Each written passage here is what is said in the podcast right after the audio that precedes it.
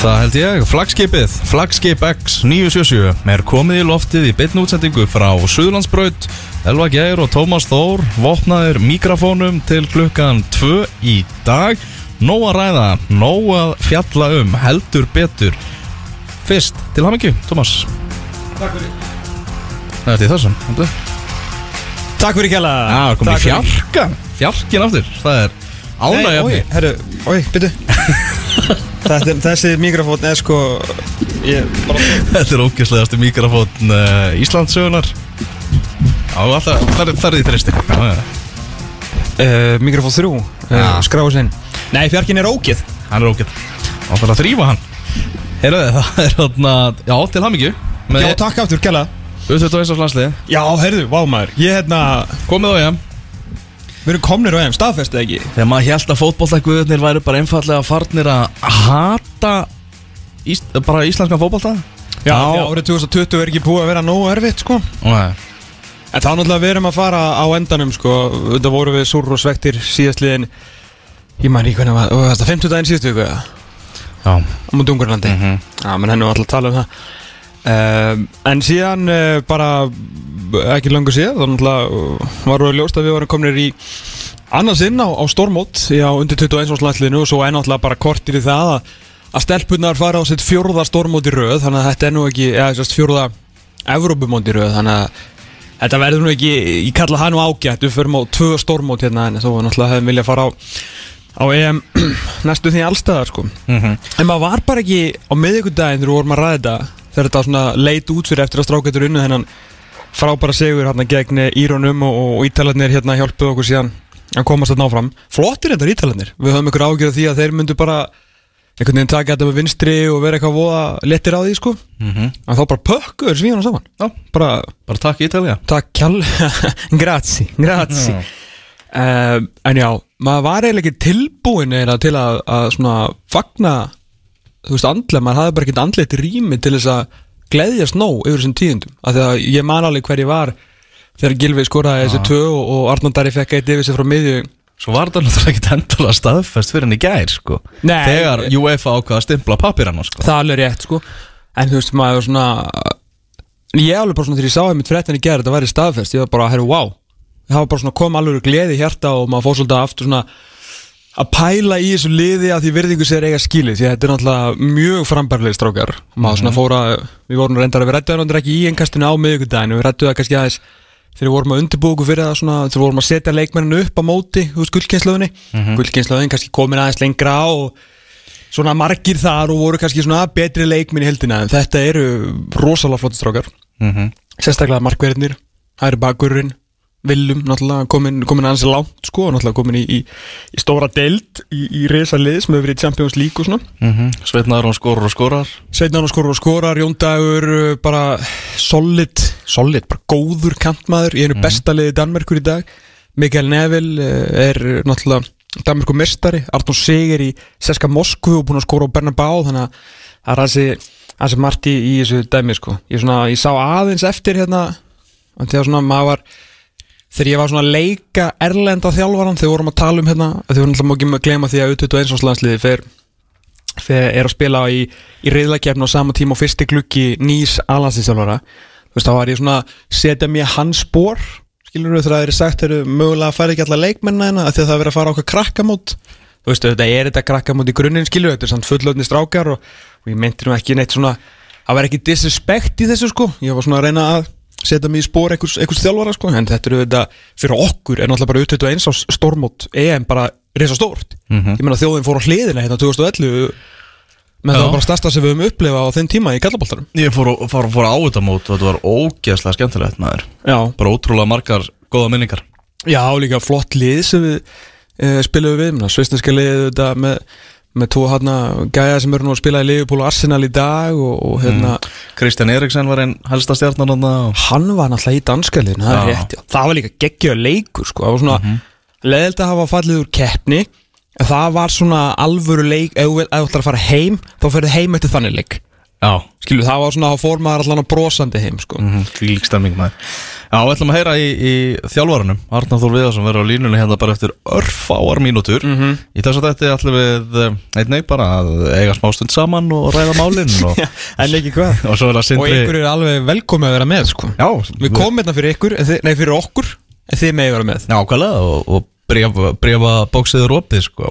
Uh, Sindri Kristinn Ólafsson, markverði Keflavíkur hann ætlar að vera á, á línunni þá Keflavíkingar unnu lengju deltina í, í sumar og á, á, á þessu óhefbundna tímabili og ætlum að ræða við Sindra hérna eftir og svo í lok þáttarins þá er það enski boltinn sem, að- sem að tekur yfir þáttinn, enska úrvastættin farin aftur á stað eða fer aftur á stað eftir bara 20 mínútur eða, um, eða svo mm -hmm. uh, Er ekki bróður hans líka á leiðinu á EM?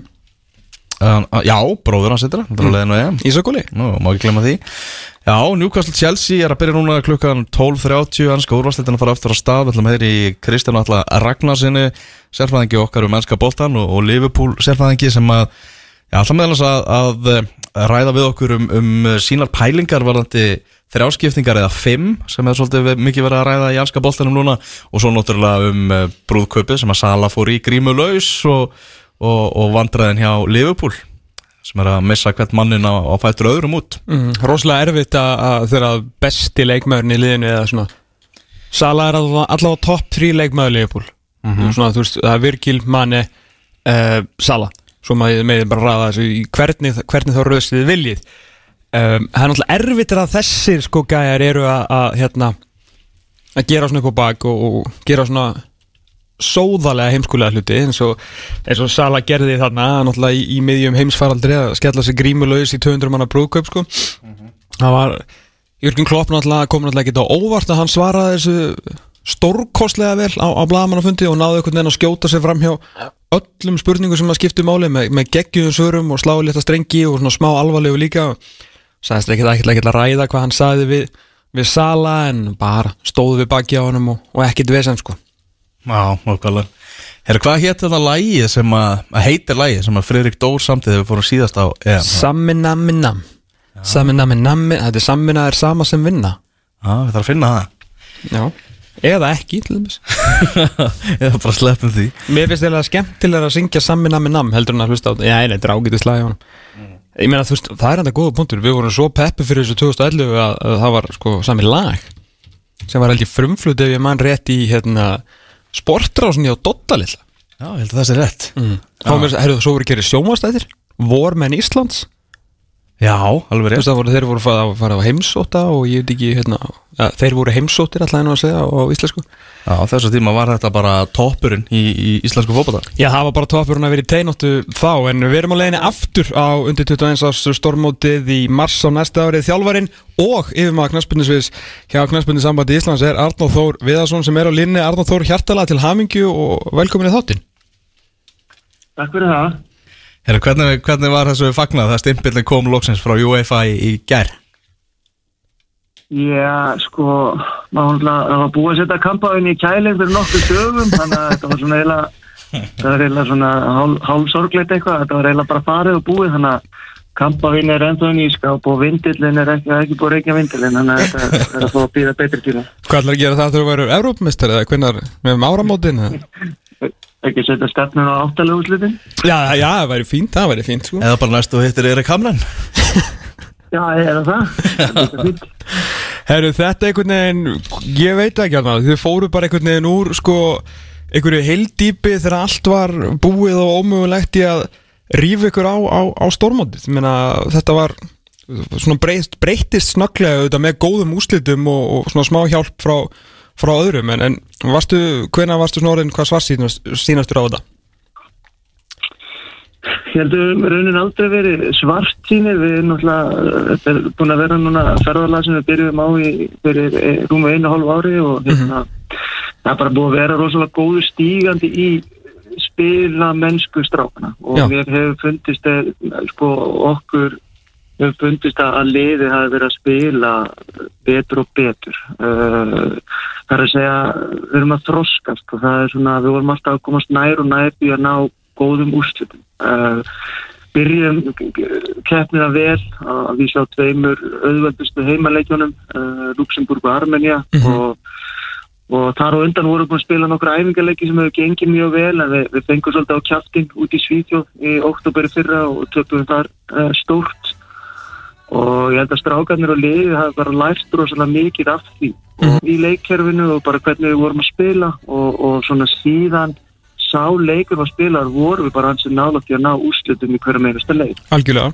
Og meiri sér út í Ítalju í nóvamberi fyrir að töpu við sér 3-0 en, en, en áttum í rauninu bara meira skili í þeim leik. Þannig að ég var aldrei svart og ég held að strákanir hafi eh, líka trúað á þetta allan tíman við settum okkur þetta markmið áður með byrjum við ætlum að komast á, lokamóti og, og þetta var einhvern veginn þannig reyðið líka að það var allt mögulegt sko. að mínum mati var þetta að ég myndi segja að þriðjum erfiðasti reyðin af þessum nýju sem voru, voru í bóði Mhm. við náttúrulega vorum mjög óhefni með í rauninni liður í, í fjórðastyrkleikaflokki sem var Írland. Já, gott lið. Langsterkasta liðið í fjórðastyrkleikaflokki hérna.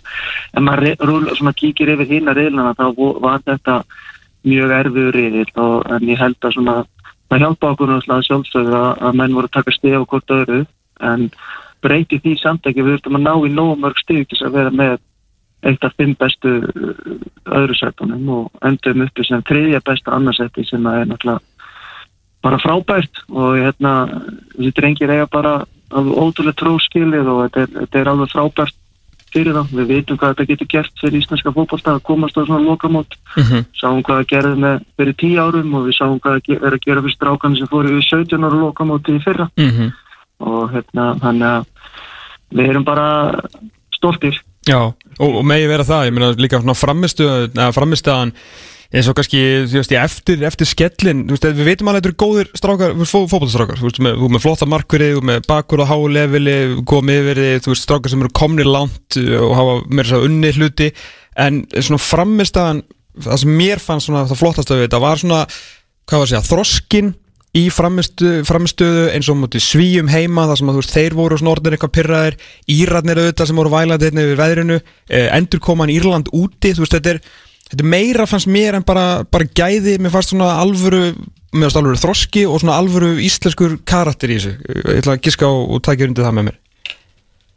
Já, ég er bara bara ánægilegt að heyra að þú skulle að spotta þetta vegna þess að þetta er bara hérna, sá hluti sem að er hvað erfiðast að, að þjálfa og æfa vegna þess að þetta er bara þetta er bara að halda haus halda einbendingu halda áfram að vinna í, í, í leikskipulæginu og, og eins og segir hérna þessi sigur sem við seglum í rauninni heima mútið svíjónum minna heima eftir að en, sko byrjað á mjög erfiðum fyrstu 15 mínútum í leiknum Mhm. sama út í, út í Írlandi og þetta er, þetta er svolítið meira en að segja og ég held að, ég held að sko, þetta kemur alltaf í rauninni niður á því sama þú, þarf að hafa ekki bara andlega þróska, heldur líka leikþróska Mhm. og, og hérna þú þarf að skilja leikin og og það er akkurat það sem segir að, að margir af okkar strákum eru bara komnir mjög langt og þeir eru komnir langt vegna þess að okkar helsti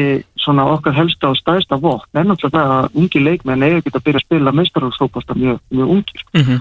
og þetta er bara eitt af því sem að eins og ég segi, gleðum með að sjá í, í okkar leik, þess að við verðum að hafa sko akkurat þetta í okkar leik, við öllum okkar landsliðum og hérna, þannig að þetta er bara eins og ég segi, við eiga mikið hróskilið strákar og þeir eru komnir að mörgur leiti mjög langt og að, að öðru leiti þurfum við náttúrulega að spýta lóna og bæta hans við, þannig er það er ekkert lengur. Mm Náttúrulega já, fullt af, fullt af hæfileikaríkum leikmunum en svona einn af þeim, Mikael Andersson það komur náttúrulega fréttir að því hann hef ekki gefið kost á sér í, í þetta undir 21 ás verkefni, ekki valin í allanslið og hef ekki gefið sann kost á sér í, í U21, hvernig svona maður ekki ennþægilega heyrt alveg söguna nákvæmlega, hvernig, hvernig þetta svona atvökast allt saman? Nei, hún er bara í rauninni mjög ein, einföld sko og hérna þetta, þetta hefur verið þannig samstarfi eh, á milli Erik Freys og mín og Eðsmára hefur verið mjög gott og við höfum uh, sérstaklega undan, und, und, svona undanfari ár fyrir þessi strákar sem hafa verið í tuttöðinslinu og farin að nálgast aðliði Mhm. og, og þeir farin að velja þá. Og höfum alltaf rætt uh, mikið og vel saman fyrir hvernig við glukka í fyrsta lagi hvað þeir eru að fara að gera. Það, það skiptir náttúrulega aðal alið er alltaf í sko forgangi en bæði Erik og Freyr hafa verið mjög sko ofnir með það að skila þeim leikmundam aftur nýri í 21. skrið sem þeir eru kannski ekki að fara að nota þannig að þeir fái leikina -hmm. og Mikael var dæmið það núni í nógunda alveg eins og Arnur Sig og Jóndagur átt að vera með uh, undir 21. skriðin í óttabær í fyrsta leiknum uh, þegar það er að segja móti Ítalið, leiknum sem var fresta og eftir þann leik fóru þeir síðan upp í alið og það var reyni bara sama upp á teiningum núna með Mikael, hann átti uh, að vera í U21 í fyrsta leiknum á móti Ítalíu. Og svo ætlum við bara að sjá til. Við ætlum að ræða málun eftir ungarleikin eftir Ítalíuleikin og sjá hverjir myndu vera með 21. leginu í Írlandi og hverjir myndu fara sér yfir og hvenar þeir myndu fara yfir í Arlægi hvort það væri fyrir Danmarkuleikin eða fyrir Englandsleikin og þetta var bara Erik tilkynnti mikil þetta og hann taldi uh, vera mikilvægur fyrir sig að spila byggarleik með sínu liði í, í vikunni sem var hérna fyrir Ítalíuleikin og þá er það bara ekkit vandamál. Við hefum ekki staðið í vegi fyrir neinu leikmanni uh, um, unnum við reynd að vinna með klúbunum sérstaklega þegar við vorum að tala um 21. slið, við vorum með Kolbein Þórðar sem átti að spila með Lommel í september þar sem við slepptum honum í þann leik og hann kom setna inn í, í 21. slið, við vorum með Ísak Óla Ólafsson núna í gluttanum til að spila byggarleik með sunnuríska og í rauninu var það saman på tegning hjá Mikael þannig að hann vildi frekar spila með sínu liðu þennan byggarleik og, og, og, og þá bara gerði hann það og þá tókum við það ákvörna að taka hann ekki inn eftir það í setnileikinu. Það var nú bara sagan enn og ekkert floknar þetta. Mm -hmm. Skilur þú þessa ákvörun? Ertu, ertu sammála þessar ákvörun hjá Mikael? Nei, ég sko skil uh, það að leikmenn eru að búa til sín eigin fyrir, þeir eru að mhm. búa til sín sitt, já, sí, sko, þeir eru að brjótast í, inn í, í liðin þar sem þeir eru að spila og ég skil það mjög vel að það er mjög mikilvægt. Um, en það er líka mikilvægt að spila landsleiki og ég, uh, sko, munur á, núna þessum með Mikael og þegar ég er að tala um Kolbjörn Þorðar og Ísak til dæmis mhm. -huh. er það að, að ég rætti við þá að þeir átt að vera í 21. skriðinu Mikael eh, er náttúrulega búin að vera í alansliðinu þannig að það var, það var, það var, það var Erik sem rætti við hann.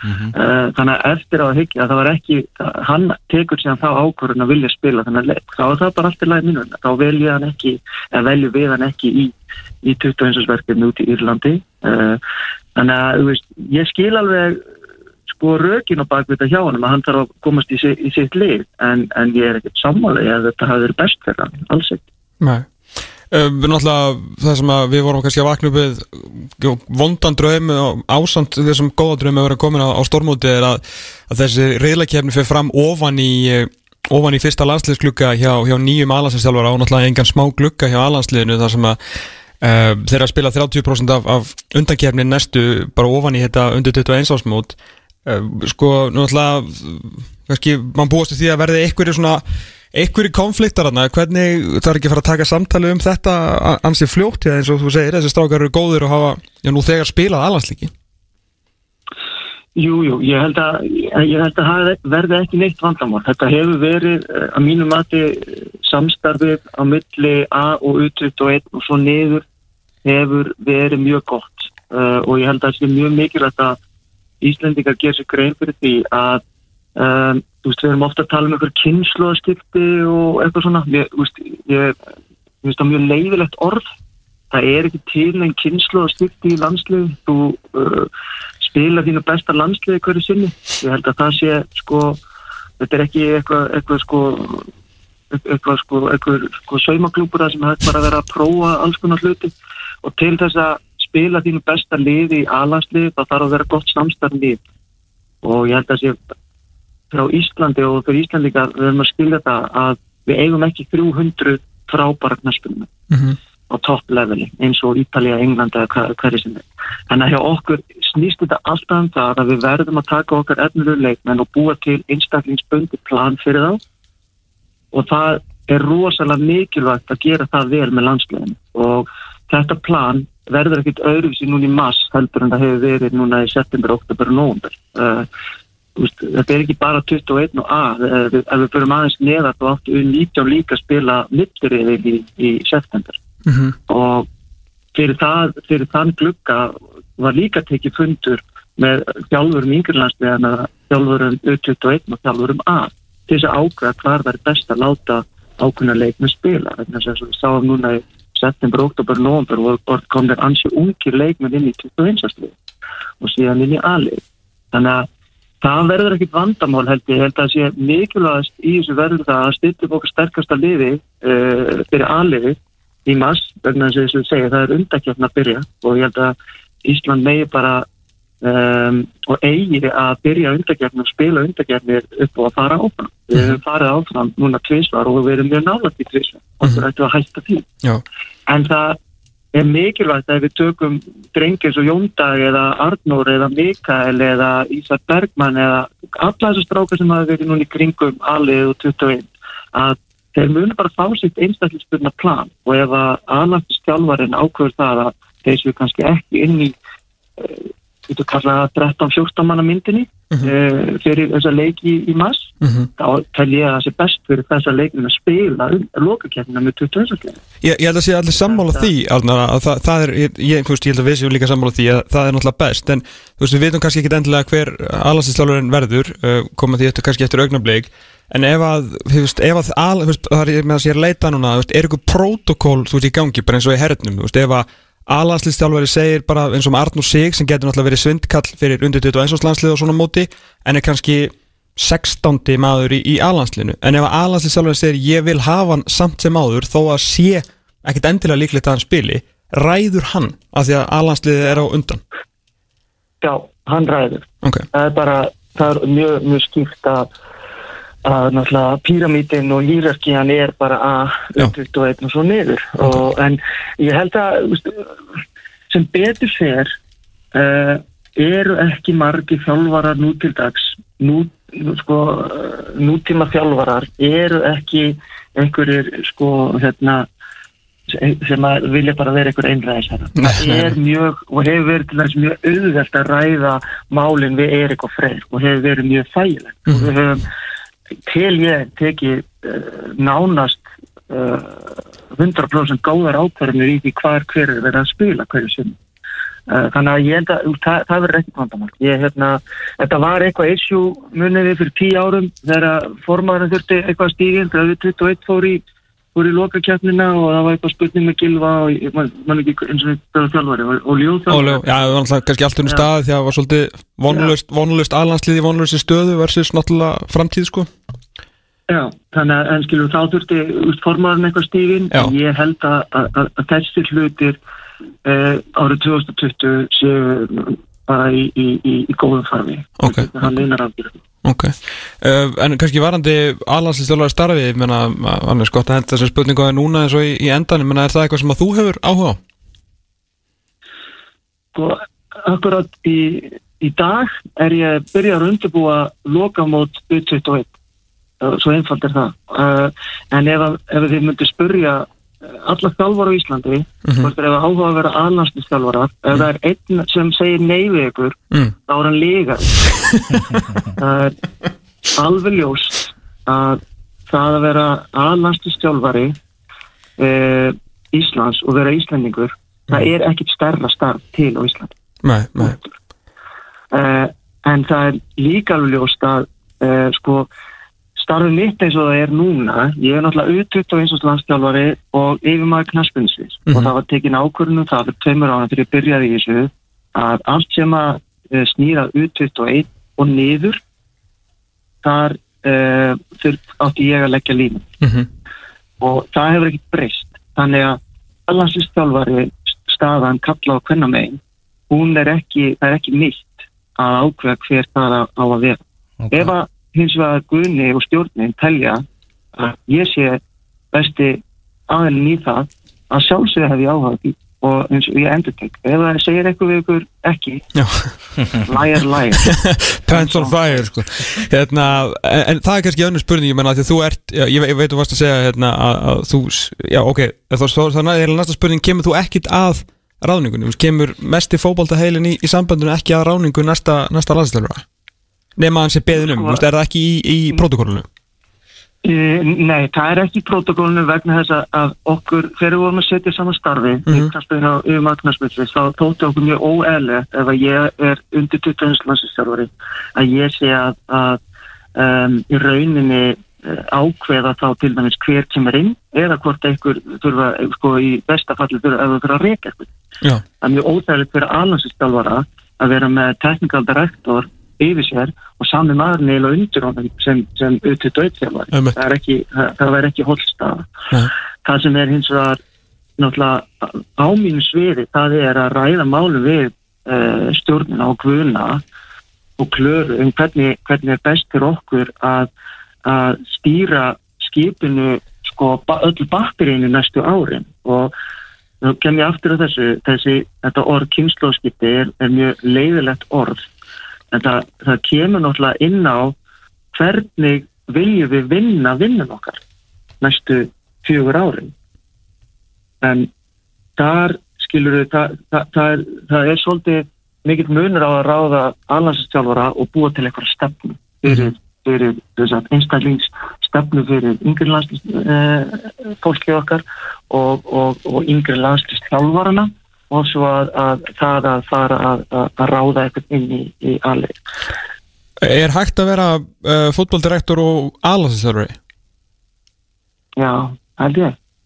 Er það, Það- já, það er allavega já, ég held að ekki, ég veit að ég veit að Roberto Martínez gerði það hjá Belgíu hún gerði ok. þetta ár núna og uh, þeir uh, ætlu að ráða einn teknikaldirekt hann hættu svo við að því þeir voru mjög ránaði með uh, sagt þennan já, þetta duo job ef við getum kallað það Já, já. hvernig Roberto er að gera þetta í Belgíu þannig að ef, að, ef, að, ef það er hægt ekstra annar stað þá ætti að vera hægt á Íslandi líka en eins og ég segi það er það er bara eins og í- rauninni ég hef búin að vera núna undir tittenstjálfari og, og hérna við maður knaspjörnsvið þannig að þetta er, þetta er bara tvær vinnur en þetta eru náttúrulega vinnur sem tengjast mikið að, að mörgu leiti Getur þú séð fyrir þér að, að hérna, sinna þessu báðu? Ég meina, ég get ímyndum mér að fótboldirektor í Íslandi sé að gera alls konar hluti sem að Roberto Martínez þarf ekki að gera, sko, að vantalega svona aðeins svona bara, hann kannski náttúrulega eru tölvöld fáliðar heldur í belgiska sambandi, sko, þú veist, er þetta, væri þetta bara vinnulega hægt? Ég meina, eru nóg margir klukkutímar í sólaringinu með það? Uh, sko, það, það er alveg rétt, það er náttúrulega mikill munur á því hvernig knaspunnsambandi í Belgíu og Íslandi eru, eru náttúrulega hérna, rekin og starfslýsingin er náttúrulega uh, mjög ólík en það er alveg ljóst fyrir mér og í mínum huga að, að það er hægt. Ég er hérna, uh, sko, nú erum við að hlaupa náttúrulega svolítið undan okkur. Uh, Jú, jú, vissulega. ef við förum, ef við förum eh, ef, ef ta- þessi staða kemur upp þá er ég alveg 100% örugur því að þetta sé hægt og ég geti sint þessu starfi? Uh, en það myndi ekki vilja gera á neitt annan hátt uh, vegna þess að, að það starf sem ég er búin að vera að gera núna í samningu við alla inn á KSI eh, á knaspinu sviðinu undan fara eitt og hólda ár það er ekkit búið, við erum bara rétt að byrja og við erum búin að ná að framkoma fullt af, af, af, af flottu lutum en það er fullt sem er á teiknuborðinu og eins og, eins og ég sagt oft að það er, við erum búin að teikna núna upp uh, afreiksstefnu fyrir næstu fimm árin og, og við erum búin að ná að framkoma fullt af þeim hluti sem er í þeirri stefnu og þeir hluti sem er á teiknuborðinu þeir eru búin að fá uh, tímarama og þeir eru búin að fá uh, sko, þeir sem er að vera vinn í því þeir eru búin að fá það verkefni. Þannig að það er bara það er fullt eftir að gera en, en, en þetta er eitthvað sem ég myndi aldrei akkurat á þessum tímapunktu vilja uh, slíta mig frá og, og hætta að gera.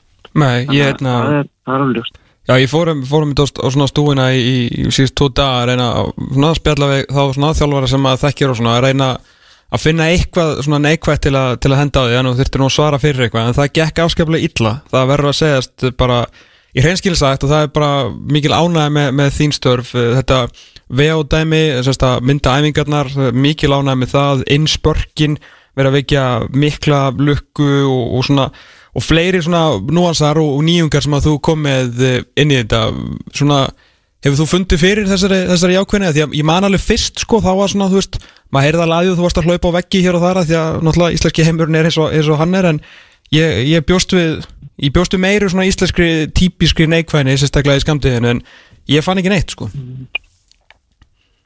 Já, ég, sko, ekkert, ég get alveg fundið neikvæðni fyrir þau, sko. Já, já, það gekk allan ekki á mér, sko. Ég held, að það ringdi, varstu náttúrulega ringdi bræðum minna. Ég talaði þetta við annan um daginn. Nei, nei.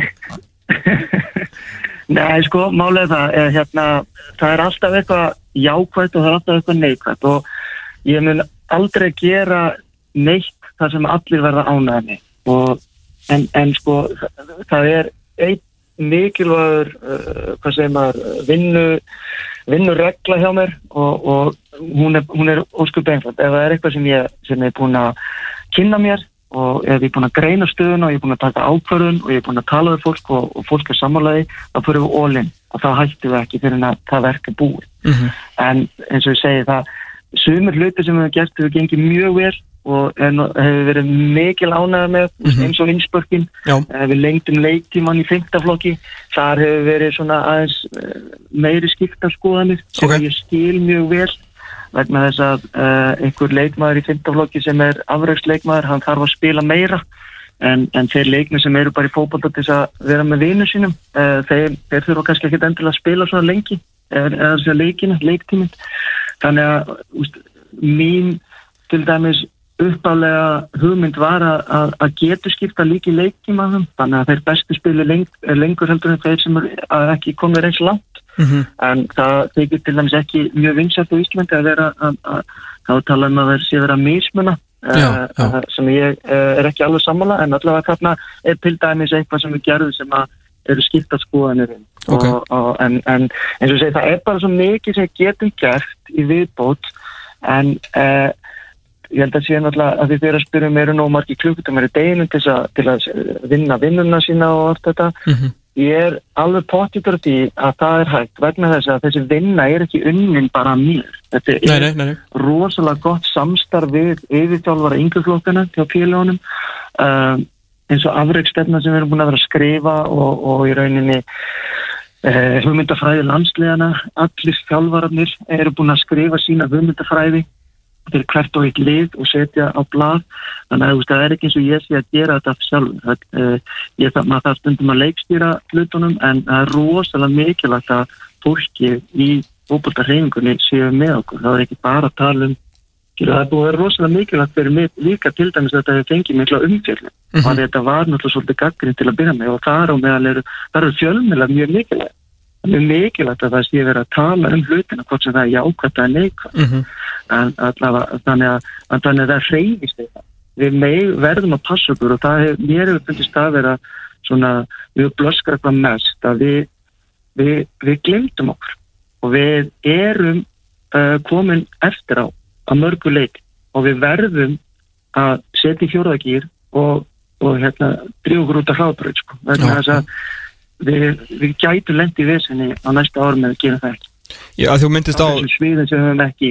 Það sem við höfum ekki tekið tekið nógu uh, mörgskrif að þú myndist á svona þessa geturskiptingu í, í hérna þú veist, við höfum verið að ræða hérna við nokkra svona málspenninu menn síðustu vikur eftir svona í ljósi Evrópu úrslitana hjá, hjá okkur sko uh, og síðasta svona síðasti stóri punkturinn sem að kannski fóra aðeins í, í, í svona áflug var þar að Bjarni Guðjónsson var að tala um hérna hvað væri mikil uh, mikið þess að svona var svona sammóla sem við, við tveir vorum að ræða hérna varandi svona afreikstefnu sérstaklega, já, 11 manna bolta kannski að það þyrti bara hreinlega að svona skipta þar út eða svona já, skipta hópnum í þá sem að allar sér að verða aðdunumenn eða hafa ykkur drauma eða bara vilja gera þetta, þú veist, æfa jafn oft og þarf versus þá sem að vilja bara félagslegi þátturinn. Og bæði er náttúrulega mjög mikilvægt því að við, þið viljum náttúrulega bæði búið til fótboltamenn og, og gott fólk. Uh, er þetta veist, ég veit að þetta er kannski svona, ég geti verið vantar ef svona svo, ákvörði sem að þú mæti kannski mesti anstöðu því að það er ekki allir sem vilja sjá þetta en er þetta ekki rosalega mikilvægt ef við ætlum að fara einmitt út á hraðbröðu Jú, þetta er stæðsti þetta er stæðsta skrefi sem við verðum að taka og bara svo sé alveg á hreinu Mhm. ég vil ekki hrópla við neinu í græsgrótunni Nei. íslenski sko, fó, íslensku fótbolti og yngjörflokkar og starfi í félagunum er frábært við erum heimsmeistara í græsrótar fótbolta, það er alveg ljóst. Já. það er ekki á neinum stöðum í heiminum þar sem nánast allir krakkar eftir skóla kl. 2 eru bara kerðir uh, á fótboltaæðingu í rútu. Og bara eða á handbólta eða frjálsara hversin krakkin er að fara. Þannig að þetta er infrastruktúr upp á tíu á Ísland. Uh, það sem að við verðum að, að, að hins vegar að gera er þetta afreikstarf og þetta er reynið mjög einfalt við þurfum bara að bæta ón á græsrútuna afreikstarf og það er eins og Bjarni Guðjóns var að tala um við ykkur að þegar við komum á ákveðin aldur þá þarf þetta að fara að skipta þeim sem eru viljan á lengra og eru tilbúin til að eða meiri tími í þetta og láta þá få betri þjálfara og meiri þjálfun og, og, og svona tróari þjálfun. Uh, og hinn er handa bara áfram í því að gera það sem við erum að gera. Þannig að þetta, þetta er ekki droslega flóki í rauninni eina sem við þurfum að gera er að búa til hæfileika mót KSI Já. sem er þá mót fyrir allra bestu leikmenn eina flókna við það er að við erum ekki rosalega fjölmenn og það er erfitt fyrir liðin að ná í eh, mjög sterk lið þó að flokkaskiptingi hjá okkur sé tvö ár. Þannig að við þurfum að finna lausna því þannig að hvert og eitt lið geti verið með eh, gott hæfileika eh, afreikslið eitt lið strákamegin og eitt lið stelpamegin og þá við búin að leysa ansið mikið sko. mm -hmm. Að það eru þá akkurat þessi leikmenn sem myndi fá betri leiki, fleiri leiki, betri bjálun og meiri bjálun.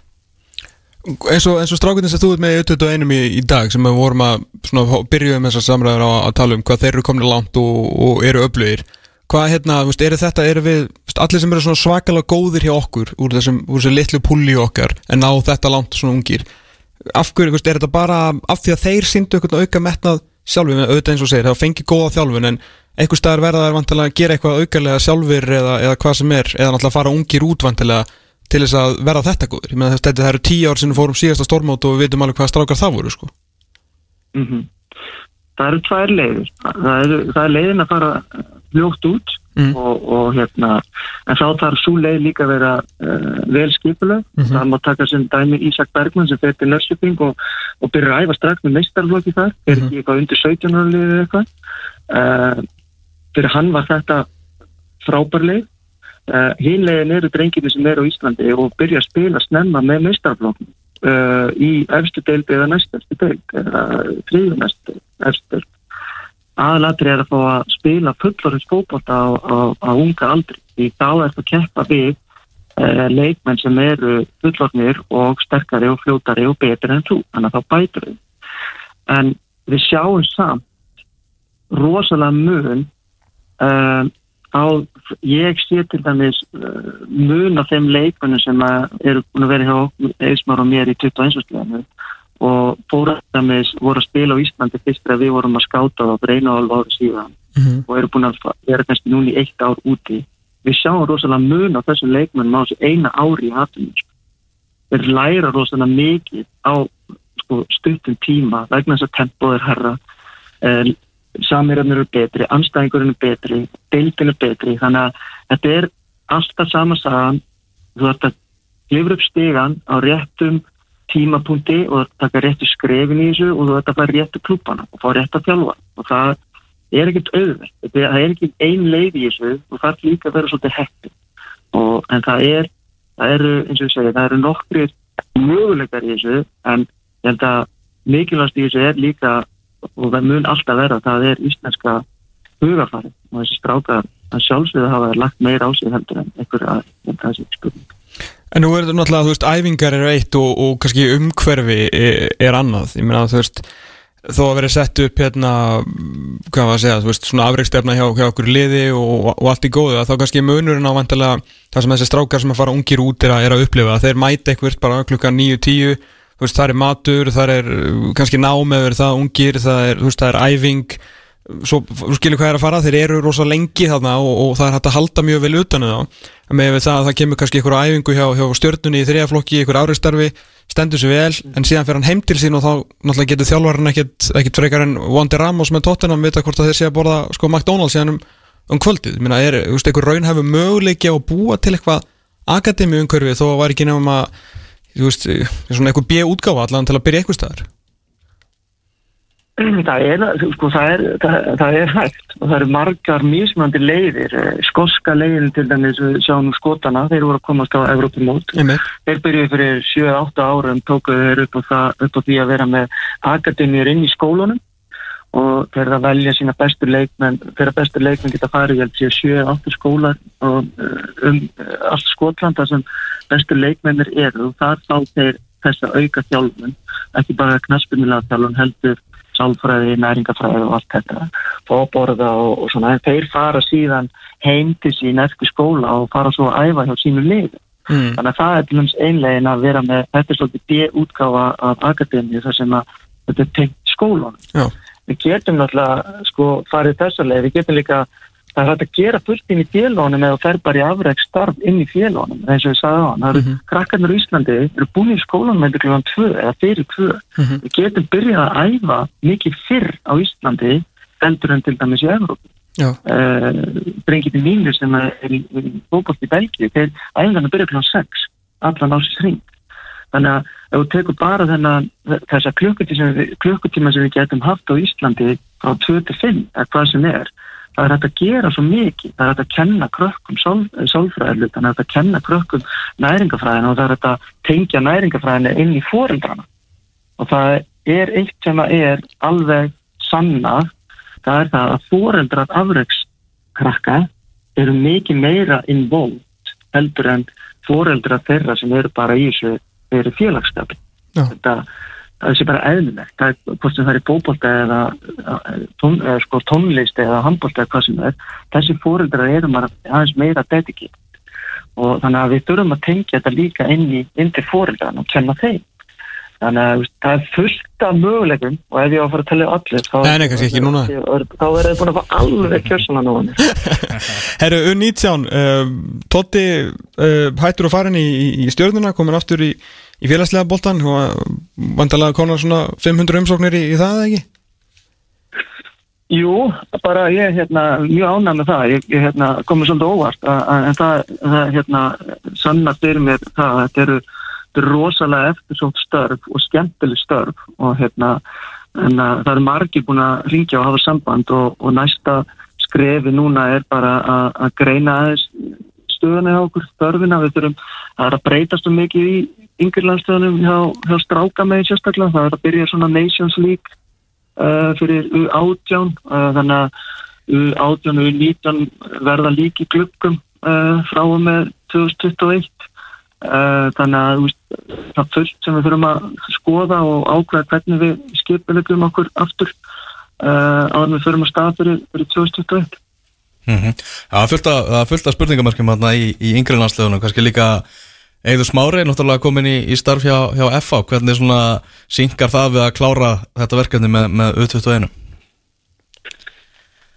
Sko, það, það, það bara núna eins og sko, fara í það að skip, endur skipulega ykkur alveg og greina alla, alla þessa talti. Uh, ég hérna búin bara aðeins heim til Belgíu eftir uh, leikin í Írlandi, er á leiðin til Íslands bara næstu viku og það munir verða núna hansi hérna erum mikið að gera næstu tværtur vikunar að, að skipulega allt þetta en það er náttúrulega alveg ég held að veist, það er ekkit leyndamál að Eður er náttúrulega núna búin að hérna, skrifa undir í FH sem uh, aðal þjálfari og við erum ekki að vera með uh, aðal þjálfari hjá Pepsi Max félagi í, síðan í, í starfi hjá okkur líkin á kási það, það er ekki sangjant gagvart bara öllum og síst uh, eðismára þannig að hérna svo framalega sem að þetta er, er staðan þá þurfum við bara að leysa það mál og, en, en ég, hef engar ágjör og það, það, hérna, það leysist ekki bara mjög auðverðlega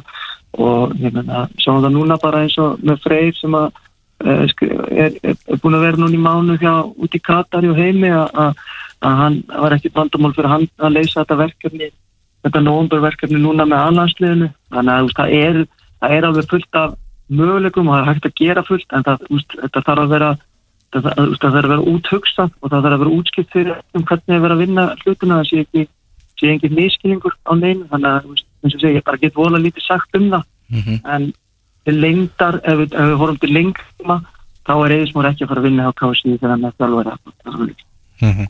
Þetta er eitthvað sem ætti að skýrast, segir þú bara eitthvað um hvað, miðan desember, sérska bát? Já, sko, ég, ég, allavega ég er á fullu í þessari greiningu núna fyrir yngir landsliðin, uh, eins og tölum um áðan, uh, það sem gerist náttúrulega núna eftir ungverðileikina, þetta kom svolítið flatt upp á okkur að, að Erik hættir. Uh, ég held að hafi engin verið uh, tilbúin eða búin að vera eitthvað að hugsa um þetta vegna þess að við gengum náttúrulega bara öll út frá því að við myndum ná inn á EM og ef við myndum ekki ná því þá bara myndi staðan vera endur skoðu bara eitthvað tíma núna í desember. En það sem er í kemurrunni bara strax eftir leik og segir hættir það, það, það verður svolítið þess að, að það þarf alltaf að fara á stað mjög fljótt og því þið vitið hann og best sjálfur að þá, þá, þá, þá fer líka þá kemur fer að stað þessi hver verður næstur, það þessi eða þessi eða þessi. Þannig að það er ekki búið að vera að vinna í það er ekki grunnvinna hafn þannig að þetta er bara eitthvað sem að ég er að gera núna fyrir yngurlandsliðin og, og Guðni og stjórnin og Klara munu fari fyrir aðlandsliðin þannig að þetta, þetta, það þarf að gefa þessu nokkra vikur til þess að hérna, fá svona almenna mynd á það hvað er mögulegt og hverjir eru kandidatarnir, hverjir eru, þú veist, við veitum að líka að koma sko þúsund uh, hérna ferilskráður inn af, af erlindi þjálfurum, þannig að það þarf að rúli gegnum þetta allt og sjá hvað, hvaða mögulegar eru, hverjir er að sækjum starfi, hvað er til mikil teiningur og, og annað, þannig að þetta þarf að fá að taka, eh, við þurfum að fá að taka 30 vikur í þetta en ég býstu því að, að mínum að þetta bara vera klárt fyrir árum út. Ei, bara spyr sá sem ekki veit að því að er ekki talað um sagt, að hann væri búin að ákveða þetta fyrir svolítið síðan, sagt allan þá fyrir uh, oktober, það sem hann alltaf hætti eftir rúminni ef það hefði ekki gengið upp. Um, hefði ekki verið ja, ok, þetta er svolítið gildislega spurning hefði verið eðlilegt ef hann hefði allan að látið þó vera ekki nema guðna og þig vita, þannig að þið hefði ekki allan að fara að horfa í, í kringum ykkur eða þetta bara alveg eðlilegt að halda þessu fyrir sig fram á síðu stundu? Vei, sko, þetta, þetta er bara svolítið erfitt sko, ég það er eiginlega ekkit rétt svar við þessar spurningum sko, eina sem ég get sagt er það að mín reynsla af Erik uh, og það, ég hef þótt að mjög ánægilegt að umræðanum Erik í fjölmjölum á Íslandi undan þarna viku ég veit mjög jákvæð. Og hann áýrun ekkit annað en, en, en hróskil. Hann er freyðinga þetta er verið að unnið að mínu mati mjög gott starf undir erfiðum kringustaf og þetta er búið að vera mjög erfiðir sko myndi ég segja æfingarleikja program því að allir æfingarleikin sem þeir eru að fengi það er bara að vera mot bestu liðum með Európa það er þetta nation lið þetta er bara búið að vera uh, sko strempi program en sko hvernig við hvernig þeir hafa höndlað þetta og hvernig við spilum í undakefni finnst mér mjög jákvæmt en hvort hann hefði átt að vera búin að tala við eitthvað, hvort hann var búin að tala við eitthvað, ég veit ekki, ég má ekki nei, nei, ég held, sko, ef, ef hann hefði búin að tala við Guðuna þá held ég að Guðuna hefði sagt mér ef hann hefði búin að tala við Klöru þá held ég að Klara hefði sagt mér ef hann hefði búin að tala við Freyr þá held ég að Freyr hefði búin að minna stáða en veist, þetta, hvort þetta var rétt eða ekki, ég veit ekki. Nei, og veist, þetta sé ekki rétt svar við þessu, ég held að sé fyrir mér er mikilvægast að það að hann vann að vinna og var uh, bara að mínum að því jákvæður landslýstarfari fyrir Ísland. Já, samlað því. Og líka bara, náttúrulega má ekki glemja því að kannski ennskan ekki hans að hans allra besta, þannig að það, þarf ekki að vera hann myndi það sem myndi með þessum orðum. Ég bara svona, fór aðeins að pæla þegar hann, hann sagði þetta. Uh, Það er ekki lægt að hætta. Nei, það var nefnilega það sem ég var að pæla sko, er þetta ekki bara miskilningur? uh, Herru, ég held að við séum bara tændir Arna, takk hjálpa fyrir að gefa þér svona langa tíma í síman, hrigalega gaman að heyri þér og aftur hjartalega til hamingi með hérna, þennan, þennan merka árangur, við förum á 21 bara á 10 ára fresti, ég held að það sé bara ágætt. Já, það er ekki að reyna, reyna að þess að fjölga því. Jú, að minnstakosti 10 ára, segja það. Minnstakosti 10 ára Ekki spurning. Artur Þófiðarsson, auðvitað eins og slagsið þjálfari og ég maður knæspunnisvis Klukkan er að detta í eitt og þurfa að hlusta út á státtin fókbóti.net Elva Geir og Tómas Þór með ykkur til klukkan 2 í dag. Vorum að tala við Arnar Þór Viðarsson sem að fór ekkert leint með það hann hefur áhugað því að taka við landslistjálfara starfinu verða aðlandslistjálfari einn af þeim sem hefur orðað við starfið Freyr Aleksandinsson, hann kom með pistil á, á samfélagsmiðlum í gær. Hvað er last út úr þessum pistli? Er hann þar að, að Já, segja það að nú, nú, nú er að að hann verð ekki áfram tengdur landsliðinu eða? Nei, ég held, ég held Ekki? ekki. Ég held að hann bara vilja, þú veist, ef að hann verður ekki áfram uh, tengdur landsliðinni, minna verður ekki að búast við besta og, nefn fyrir ekki að búast við versta og vona það besta uh, hérna allan að já, eins ég held að hann bara vilja það eftir, eftir ótrúlega ár með þessu liði, náttúrulega yfir njósnæri á HM 2018 þar sem við förum náttúrulega í fyrsta skipti á, á stórmót og, og stóran þátt náttúrulega þar og vann lengi undir, undir heimi í starfsliðinu þar. Uh, samhliða því náttúrulega að vera að gera flotta hluti með, með kvennalandslið fer síðan í gegnum náttúrulega færa aðstóðar landsliðstjálfara starfið og er hérna þá náttúrulega ennþá næri þessu og færi náttúrulega það starf, ja, færi það starf náttúrulega kannski stór þáttur í því starfi var hversu mikið leikmenninir vildu ha ha halda honum. Þannig að nándin og, og svona ánægjan með hann og svona samrindin hjá honum og, og leikmennunum vantilega verið mikil og gert þetta ennþá svona starra og skemmtilegra fyrir hann. Uh, gengur visslega ekki að komast á, hérna, á næsta stórmót en fá náttúrulega bæði sko A náttúrulega þennan fá úrslita leik til undirbúið sér fyrir sem er náttúrulega draumur allar þjálfara.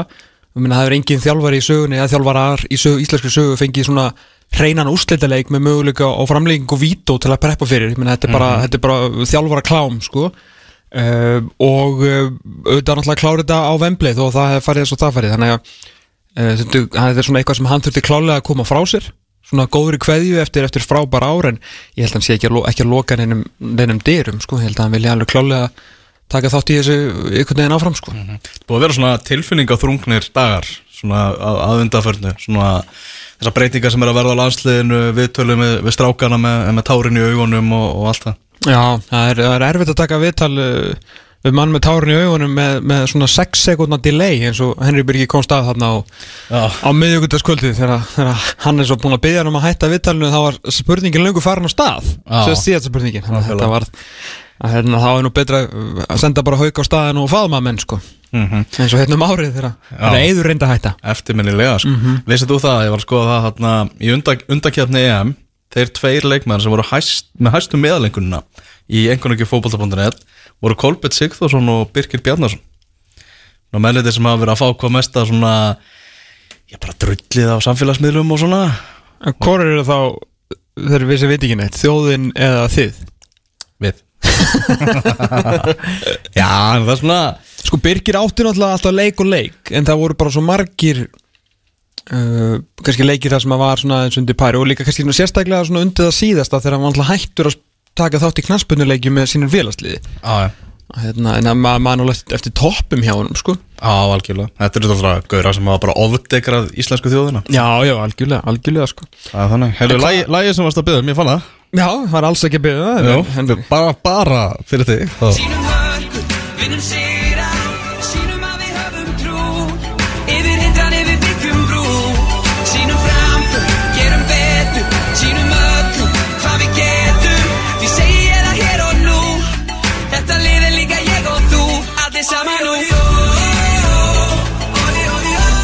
Það var bara hendi eitt stykki lag þegar að uh, undir 21 ára landslið komast að við hvernig kemur viðlagið?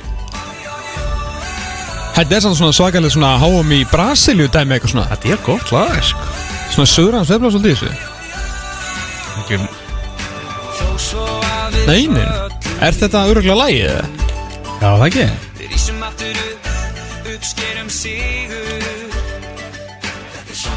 Hanna Þetta er svona eins og hérna Lion King. Nammi, nammi, nammi Taka nammi, nammi, nammi Herri, þetta er miklu betra lag en myndi. Já, er þetta þarf bara að henda þessi spilu núna þegar strákanir í U21 eru konir, á EM aftur.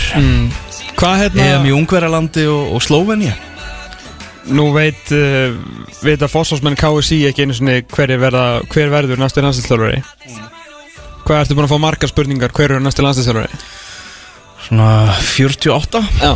Þetta er ekki fyndið að fá þessa spurningu þegar að þeir sem að ráði þetta vita ekki einu sinni. Nei, það veit að enginn hver verður næst í landslýstjálfari En hann hvað finnst þér um þennan punkt uh, sem er svolítið búið að vera í umræðinu um að það er að taka Íslanding núna vegna þess að það ekki bara of langan tíma fyrir erlenda þjálfar að koma inn í þetta og, og setja sig inn í starfið núna þegar þetta byrjar bara með sprengju í mars? Okkur tekur Íslandings skemmri tíma? Bara með þekkir hvern krók og kema í liðinu skilur Rúna Kristinsson og Heimi Guðjónsson þekkja þetta lið eh, krók krókana og kemana í þessu liði ekkert frekar heldur en uh, Flimmi Hoppisin sko. Þeir hafa sem þú vilt fá sem Ég vil vendilega fá hann. Nei, nei, ég er að segja sko hérna Nei, þú vilt Steve McLaren Nei, það er endar einhver einhver voðalega furðuleg umræða sem, að, sem að fór á stað sko. Þetta var náttúrulega erfitt í síðasta þetta því þá, maður á náttúrulega þú veist, ég hef, maður hefur ferðast og, og svona og maður á nú félaga í, í bransanum hér og þar og ekkert endilega bara blaðamenn sko. og hérna ég sem sendi einum félagi mínum síðustu helgi, ég raun og veru bara nánast í beinni. Já, ok, þetta var enda rétt fyrir þátt. Hann svaraði mér í beinni. Og sendi honum, af því ég var að reyna undirbúin fyrir þáttin og mér var að detta hérna, láta ykkur nöfn detta í hug. Og ég segi hérna við þennan félagið minn sem ég hef ekki heyrti í svolítið tíma. Bara heyrðu, hérna, hæ, lansin heyrti þér. Hvað segir um hérna, hvað er Allan Kuhn að gera í dag og þegar það var eina nafni sem er dætt í hug á þeim tímúti sko, þetta út af blikatengingunni og öllu þessu. Og bara er hann hérna er að vinna í dönsku sjónvarpi eitthvað, svona, hvað akkur þetta pæli því? Að ég er er að leita akkur nöfnum hérna fyrir annarslið og bara, já. Hérna, settu McLaren á þinn. Eða skilur þú, nefnda hann aðeins á nafn sko. Og þá vissi ég það ekki að þessi félagi minn var að byrja að vinna á umbóðskristofunni fyrir McLaren sko, fattur þannig að þetta var alveg svona um, er Steve McLaren búin að senda pósta á Gunna? Uh, þeir allan að voru komni með uh, voru komni með kontakt við sig sko. Þannig að þú veist áhugin var raunverulegu sko. Þetta var ekki eitthvað þú veist að nafn sem að mér dætt í hug sko. Þú veist áhugin hans uh, var raunverulegu hvort það sé búið að sendir umsók veit ég ekki ennþá á þessum tímbúti uh, kannar það er mitt fyrir þátt. En hérna en já en það er ekki, ekki kannski fyrsta nafni á blaði hjá mér verði ég verði ég að segja sko. En, It's en, been the perfect response. You think that no problem, start again, keep dominating, keep getting uh, pressure on the Iceland back four. The only thing that they have got is the big boy up front, Sigurdsson, who really, Sigthorsson, Oh my word Gleimist aldrei. Nei, nei, á aldrei að gleymast sko. Nei, Steve McLaren sko. Hérna, Willum vill fá, fá bara stóra Sam Big Sam. Hann það, vill, vill hann fá hann? Já, telur að hafa eiga, að horfa til hans. Ok, það, það er áhugavert sko.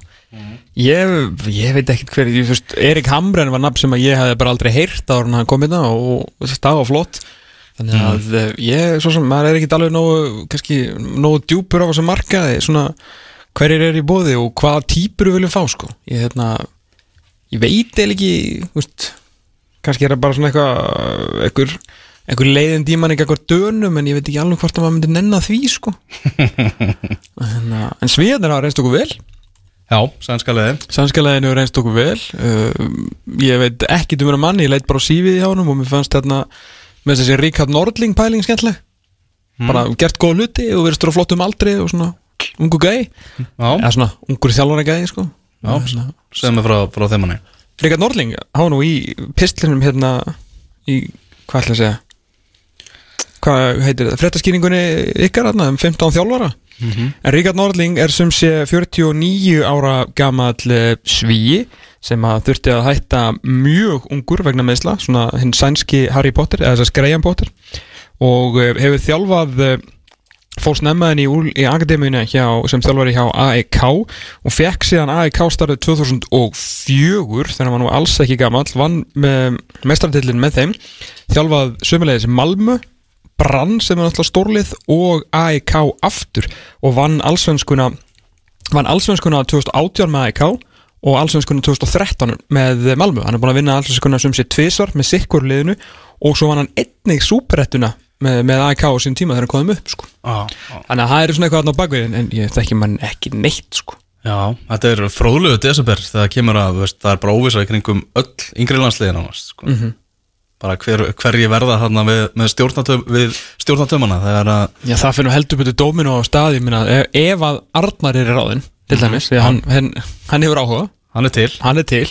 Uh, þá þarf að finna undir 21 og slanslið þurra uh, U19 er löst en uh, U17 er reyndar er vel manna þannig að það getur líka verið að Davíð er færður í U19 maður veit það ekki? Já, það verður allavega tvö störf á þremur. Já. laus, skilur, hvernig, hvernig sem að það verður sko. Já, svo sem ekkit ólíklegt að Davíð verði færður upp það sem að þetta er náttúrulega hans kynslu sko. Þannig að já, þetta er uh, hver heldur þú Ertu með eitthvað, ertu búin að búa til veðbanka? hver, hver tekur við þessu? Já, mm, Það er mjög góð spurning sko. Ok, íslensku er erlendur? Já. Það er líka mjög góð spurning. Þú veist, ef þú væri með Guðuna Bergson hérna, þá geta hann ekki svarað þessu sko. Nei, það er, það er enda svolítið henni sko. Já, það er bara, við, við vitum ekkert. Það er ekki, er ekki Arna þó við að svona efstur í, í svona, í veðb, veðböngum núna Ég myndi halda það, jú, bara Já. út af, meina, það er maðurinn sem að sem að Guðni sækir í þetta Nei, ég meina, okkur er hann ofan freysi? Ég meina, sástu lofraðana hjá Guðna? Auðvitað sástu hana, þú náttúrulega er réttstöri meðelsins já, að, að ég fór svolítið að pæli, sko hvort að það hefði stuða Guðna eitthvað þegar freysi fer hann mánuði fyrir stórleikin til, til Katar. Og hérna þú veist, mér ná að hann getur alveg undirbúið sér þar fyrir hann eins og hvað annað og náttúrulega þurftu auðvitað að fara að huga að framtíð sinni, segir sjálf það sem að samningurinn hans var að renna út. En svo einhvern veginn svona sá ég þetta, þetta viðtal það sem að Guðni eitti einhverjum 40.000 cm í að lofa frey sko. Þannig að okkur er freysi eitthvað með það sem hann hefur gert bæði fyrir þú veist alanslið sem njósnæri aðstofnarslari Ef það væri einhver tíma sem ég var tilbúin að vera að fluga á vegg á fundi KSI já, þá er það núna sko. Já en, eh, en Arnar og freysi það er eitthvað ólulegt Það geta alveg verið. Tveggja þalvar að gera þið Tveggja var að gera við aftur. Já, Hvernig var með það síðast? Var það logi og áskera? ekki Lasso Heimir? Voru svona tvö? Já, já eftir, eftir, eftir endursemningunni Já, þeir náttúrulega þeir eru bönnuðum að taka Alveg stjórnunni. Þeir voru náttúrulega leittust hönd í hönd. Já, heldur betur sko. En svo hérna, svo náttúrulega spurning hvort að ef að Arnar uh, ef að Arnar mun taka við þessu og hvort að hann vilji hafa sinn aðal mann með sér stann besta frá upphafi, Good Johnson. Að þá er F allt í hennu komið í þjálfara lit Já, þetta er sama hver niðurstað verður. Hvernig heldur að símtali frá Jónsa Jóni Rúnari verði í, í Gunnar Bersson ef að Nei, hann hæg heim um tökið því að Arnar er náttúrulega af konungsættum náttúrulega í hafnafyrði sko. Er það var einhver sem sagði við mig Ég veði á að Rúna Kristinsson Takki við þessu Mhm. Og Óli Jó takki við Káar Já, ó, Það er gaman þegar maður koma með einhverjir- skemmtilegu kapall Já, svona, svona leiklátt sko Já, ok, ég er mjög, já, þetta er, þetta er mjög skemmtilegt Ó, Erum við ætlum að fara að ringja? hvað er þetta að ringja? Erum við ætlum að venda okkur yfir í, í Sindra Kristinn Ólafsson? Já, já, markverð, lengju meistara kepla ykkur, hvorki meira en að minna og þið fá mér þess að heyra hérna takkana hjá Ég átti að prófa þetta, þetta. Þetta er svona að leifa fólki að vera með í fílingnum sko. Algjörlega Já, þeir eru ringjum hérna í, í, í Reykjanes. Bæ. Sindri, Sælir, blessar, þú ert í þráðbytni útsendingu. Já, sælir drengir. Þeir eru verið mikið að ringja og óska mönnum til hamingju Þannig að við Já. óskum þeirra til hamingju með, með sigur í, í lengjudeildinni með þínum mönnum í, í Keflæk Já, þakka ykkur kælega fyrir strákar. Hvernig, hvernig er, svona, er tilfinningin að hafa unnið deildina á þessu, þessu skrýtna tímabili? Uh, hún, hún var alveg, það, var mikið talað um það að alveg keppnismenn myndi ekki fagna þessu sigri. Ég er virkilega ósammála því því að okkur fannst við eiga skilið en vissulega var þetta allt öðru heldur en að fagna kannski með því að klára þetta og, og vinna þetta eins og ávinna þetta en virkilega ánægilegt samt að klára þetta Já, og náttúrulega kannski mörurinn á, á liðinu öðru og þriðja það sem að vera svo sem kærur í gangi og svona er að, að þið allan voru með fleiri stig ég meina 43 stig í 19 leikjum en þetta var búið að vera ansi flott sumar hjá okkur. Já, ég meina við vorum með einu fleiri stig og áttu leikin Og leikinni, sem, átti, sem átti að spilast þarna, sem var mjög nálægt í að spilast þannig þú veist, það hefði verið gaman að spila hann og vera þarna og taka grindingarna þá hefði verið fjóru stigum við vorum í miklu betri málum í rauninni heldur en annað og þriðasæti sem kannski þetta var eitthvað svona meiri bártum Já, Sindri, þið eru búin að vera smá, smá vegferð eftir, uh, já, ég var að segja erfitt falli úr, úr pepsi-magstildinni hérna fyrir nokkur árum síðan, fintasætt í fyrra. Ef ég ekki bara segja hræðilegt tímbil þá? Við, getum. Það var allan, það var ljótt og ekki eitthvað sem að sem að kepluðingar uh, eiga, eiga að venjast. En ég meina, Nei. farið niður og, og sko bætingin á, á milli ára uh, er, er svakaleg. Uh, eru svona í vegferð að nota náttúrulega ykkar stráka en, en bætuðu þetta aðeins í, í hópin hvað er svona, hvað, þetta er 20 stig eða eitthvað uh, á milli ára? Ég, seg, ég lík því nú, þetta fer úr hvað 34 í, í 40, þetta eru, já, þetta eru 10 stig og, og hellingur af mörgum, Hva, hvað voru að bæta svona mikið? Uh, ég held að við bara gert rosa rétt þegar við fórum niður. Uh, við bara, þú veist, mingum fullt af mannskap tókum inn unga menn og, eða þú veist, tókum bara inn fáa menn og þú veist, gerðum þetta bara vel. Uh, við vorum svona doldið á krossgötum og við ætlum bara gera þetta rosa vel að, að fara rauninu bara inn í það tímabil og ekki hugsa endilega um það að stefna eitthvað upp. Þú veist, staðan fyrir að, þú veist, rækta bara upp gott og flott lið og við náttúrulega, síðan seljum við Ísak bróður minn út en við fáum síðan Nacho inn núna sem er bara, sem var rosa gott fyrir okkur og við bætum bara vel í, fáum náttúrulega Siggaraka og Eistein sem og ég held að við höfum bara bætt í réttu mennin og mér finnst þetta svona, í fyrsta skipti sem ég hef verið kjaplæk sem ég hef við svona útlendingapælingarnir voru svo þungar og miklar, þú veist, það var ekki verið að taka bara útlending sem kom og bara á sænar það komum menn á reynslu og okkur leist ekki á það, veist, þannig ég held að við bara svona, við heldum fært klúbinu på miklu herra level bara. Mm, ég, ma ég man eftir bara þegar, þegar Jónas Guðning kom inn að ræða við okkur með um svona þessa vegferð sem þið voru, að- voru að fara á og svona ekki til að rosa eitthvað einu frekar en eitthvað annað þá verist hann svona allan að kannski svolítið vera að- að leiða þessa svona hugmyndafræði keflinga. Já, það gleymist alveg að tala eins um Jónaskunni, þetta er einhver allmesti keflingu sem til er og bara hefur unnið þetta starf bara mjög óengjant og í rauninni er ekki að tjálta til eitthvað nætur og þú veist, maður finnur það bara og hann er aldrei að fara fram úr sér, hann veit alveg þegar félagi á kannski ekki efna okkur og, og öfugt sko, veist, þannig hann er bara búin að vera frábær fyrir þetta félag, það bara má tala meir um það hvað hann er búin að vera magnaður sko. Já, emmitt, emmitt og eins og segir svona að, vera að horfa í krónunar gera, gera vel við þar þetta var orðið svona það var eins og, og stegasöfnunin eða óstegasöfnunin gaf til kynna 2018 og það var eitthvað það var eitthvað vel morkið í gangi hérna hjá okkur. Já, ég meina, þú veist, við fyrir náttúrulega upp að 2017 með frábært lið og síðan kannski bara fer þá verandi stjórn og allir bara fram úr sjálfum sér og í rauninni krónunar, í rauninni, þú veist, þeim er lofað að það er ekki til. Nei, nei. Og í rauninni þráttur að þau hefur gert frábært starf og ég meina, þú veist, það er bara, það er fyrst núna eitthvað að vera svona sjást í sólar í kannski fjármálum þráttur í COVID og ég meina, Jónas er að hann er að velja krónuna vel og þú veist, hann nýtir á réttum stöðum. Já, ég meina þú veist að kannski gleymist ofta að þá var náttúrulega mikið þessum að ykkur ungu strákunum þá sem voru að spila þetta tímbil og var hendarna í alveg ómögulegt uh, verkefni. Ég meina var ekki þú veist, var engin hætta á að menn hefur bara þú veist, gefist upp eftir þetta, ég meina þið eru, þið eru bara puttar, þið eru lendi bara undir valtara þarna, sko, í hverjum einasta leik. Jú, ég meina, það hefur verið mjög auðvelt, ég meina, þú veist, kannski líkil póstandi þar breiðast okkur dóldi, ég meina, þú veist, Lasse Riese er ekki að performa, Jeppe Hansen fer, Júræ slítur og Marko slítur, hann við verðum allt í einu bara norðið herði fáleðir. Já, Jú, auðvitað hefur verið auðvitað að brjóta niður, en mér skaplega bara gera vel að halda í réttu strákana, ég meina, við erum margir að spila aftur tímabili, menn eins og ég, Sindri, Anton og fleiri skilur sem spilum þetta tímabil, þú veist, þannig, og Davís nær sem dæmi, þú veist, hann var að spila fyrstu leikinu sinna þannig, hann er bara átján Rúnar ára í dag, líka. sko.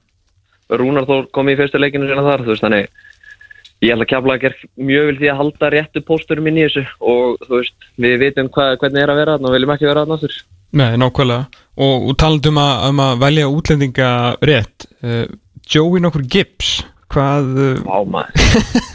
ég held að það sé einu orðið það er vá maður, hvað hérna þú, þú varst náttúrulega gætum alltaf búistu þessu þegar það kom ykkur sko, kom ykkur Ástralja að spila, spila fótbolta með ykkur, menn þetta er nú ekki einu svona þeirra íþrótt sko Nei, sem sagt, í vetur vorum við framherjalausir bara lengi vel. Við vorum Já. að spila bara aðra stein upp í topp sem er kantmaður Já, og mikið svoleiðis og okkur vantaði framherja. Þá voru framherjar komið reynslu og flestir að hann gátt ekki neitt.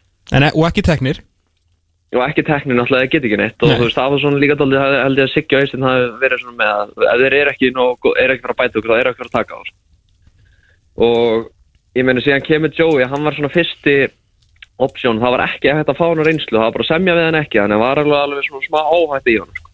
Ok, og hann kemur og hann skorar ekki raskat á æfingu og bara, maður er svona smá smeykur og síðan spilar hann einhverja æfingalegi og maður bara, herrið, gæðin getur ekki skorað til að berga lífið sinu og hann er samt góður í að venda boltan og eitthvað. Ok. Og var alveg að skila á, ágætið þannig síðan alltaf kemur þessi COVID fyrsta pása. Um, en síðan bara um leið og móti byrjar þá bara byrjar gæðin bara að raða inn mörkunum hann, er, og hann bara einhvern veginn hætti því ekkert. Og maður einhvern veginn held þetta myndi stoppa eftir 5, 6, 7, 8 mörka og bara, já, herriði, vonandi að ná í 10, 12 mörkum en þetta bara hætti, hætti ekkert. Hann bara skoraði og skoraði og skoraði og svona fylgti sjálfströst og hann klúraði samt nú tveimu vítum og hefði geta bætt þetta léttilega held ég, þetta markafætt og það er náttúrulega kannski, þú veist, oft að kemur bara eitthvað nýtt nafn í umræðina, þá ákveða allir að hann sé 18 ára, en hann er náttúrulega þetta er 28 ára gammal karlmaður þannig að var hann líka að gefa ykkur bara smá veist, reynslu og bara svona að gefa af sér eða er hann bara svona alvöru strækjar sem að hugsa bara um sig og, og það er bara fínt? Heyrðu, það er gott að nefni það, þú veist, Joey var oft, og þú veist, oft er um maður kannski sem ungu leikmennir og eitthvað svona og það gerist alveg við, við vorum kannski undir í hálfleik og þú veist, það var eitthvað svona æsingur í mönnum eitthvað svona. Og þú veist, þá steig hann alltaf fram bara, þú veist, eins og vorum að nefnst í dæmi vorum að tapa, vorum undir í grindag fjögur þrjú, fáum okkur fjögur mörkarn á 20 mínútum eða eitthvað. Og þá stígur hann bara bara strákar, við erum búin að skora hérna þrjú mörk við getum skora fleiri, við erum búin að vera miklu betur en þeir en við bara plís að slaka á, við erum með þetta við vitum alveg hvað við getum, þú veist, hann veginn svona steig þannig, þá er bara svona, wow, hann veit alveg að það þarf ekkert að vera neitt stress í þessu. Nei, nei.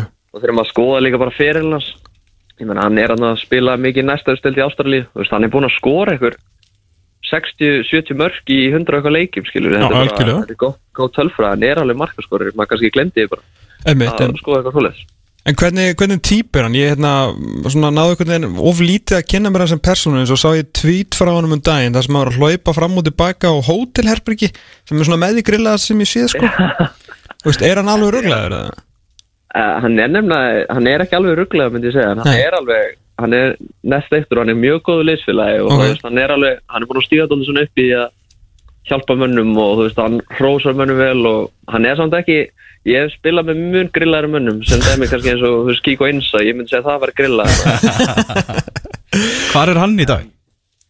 Herðu, talandi um það, hann er held ég að hann er með malasískan ríkisborgari rétt Já, og hann er búin að spila eitthvað með því í landslið og hann sendi mér um daginn að hann er orðin umbóðsmaður og hann vildi endilega fá að representa manni en mér fannst að vera svona hálf cheesy ef við má, hann er orðið komast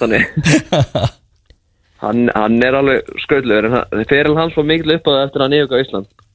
Var það málið? Það? ég, þú veist, ég veit það nú ekki en hann alltaf var heimsfræður í Asju og Já, þarna er með 200 followers á Instagram og Já, ok Hann er náttúrulega, ég spilaði ekki fyrir nema sex- 16 lið á ferlinum sem er náttúrulega nánast ekki neitt sko. Nei, nákvæmlega. Komið víða við það er ekki marga. Herru, ei- eitt í þessari upprýssu sem dreyja okkur er er, er þjálfari, annara um svona, hún er búin að vera svolítið lengi í þessu eins og, og Sigir ekki en, en svona, það voru kannski margir búin að afskriða Sigir ekki og kannski líka í, í, kallaboltanum en eitthvað er hann að gera rétt allan hjá, hjá ykkur, segðu okkur aðeins frá, frá Sigir ekki Sko, þegar hann er ráðinn, semst við svona vissum að það vantaði allavega aðstofþjálfara, það sem Janko yfirgaf okkur. Mhm. En þannig við vissum að það var að reyna að ráða einhvern inn og við vissum ekkert að það er eitthvað með Eistein, en þegar Siggi var ráðinn, þá var svona, já, ok, þeir eru tveir aðstofþjálfara, frábært, við náttúrulega vorum með þannig kerfið þegar við fjallum 2015 í, í þegar Kristján Guðmunds var látið fara, þá tóku Jóhann Byrnur Haugringi við Já, en atna, þannig og þegar æfingarnir byrjuð þá svona var, var ég veikina sjálfur og ég hef sagt það ofnbörlega, ég var sjálfur með smá svona efsemda hugsanir það sem ef að þeir verið of líkir báðir þeir mm. en síðan en steg styggir ekki rosa upp í hann er búin að vera svona rosa mikið svona taktikþjálfari og svona hefur stíðið til hliðar í svona öðru og þeir einhvern veginn með þessi vita bara sín hlutverk svo miklu betur en annað sem ég sé þú veist þeir bara mm. vita einhvern veginn alveg hvernig á að gera þetta Er þá, er þá húnin svona meira að svona að að peppa og, og þannig og svona eitthvað. Já, já, mér myndi segja það, þú Siggi sér bara einhvern veginn um alla taktík og svoleiðis og síðan er hún bara svona, hann, er, hann bara stíður til liðar í því og síðan stígur hann upp þegar að ég reyna að koma eitthvað öðru á peppinu eða þú veist, ah, eitthvað skona öðru, mér finnst bara, mér finnst að gera þetta fáralega. Ok, ok. Myndur það þægilegt fyrir leikmenn að þegar þjálfarni vita svona nákvæmlega hvað? Því við erum alltaf að spurja önnur lið sko og leikmenn þú veist, og það maður færi hvernig aldrei svör sko Nei, eða, þú veist, þetta allavega er mín skoðun og ég, Já, mér persónulega finnst að vera mjög, mjög þægilegt þegar þjálfarnir svona sína út af það að þeir vita alveg sín hlutur. Þarna Oldham vildi fá þig, ég ert nú eitthvað búin að, að tjáði, tjáði um þetta Harry Kjúel og, og félagar í, í Oldham Hversu nálagt varstu að, að, að, að skella þetta til Englands? Herði, ég var alveg mjög nálægt því. Um, þetta, þú veist, við náttúrulega vorum í mjög góðru stuðu en áttum eftir erfiða leiki á móti fram og grindaðeg og síðan náttúrulega hana leiknisleikurinn og Magni líka. Þannig ég var alveg mjög því og þú veist, þjálfarnir í rauninni fengum mér svona dálítið líka til að skipta um skoðun.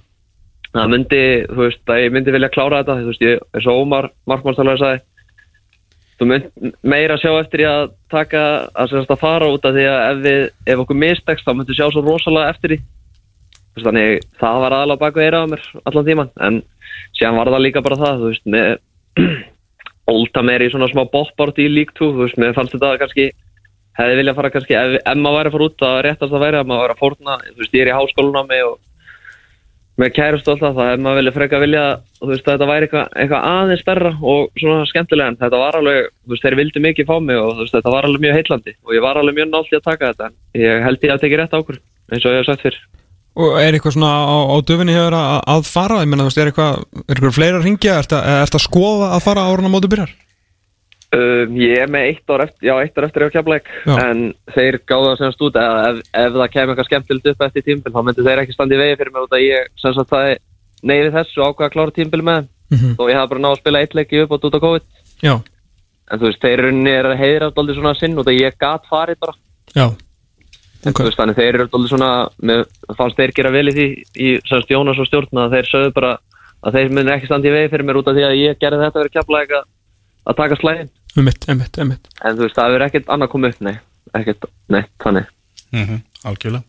Heyrðu, Sindri, bara afskaplega gaman að- að heyra í þér og, og verður stuð í Pepsi Max á á næsta tímabili vonandi verður tímabilið bara eins eðlilegt og, og kostur gefst Já, ég hafði 22 leikir. Já, vonandi.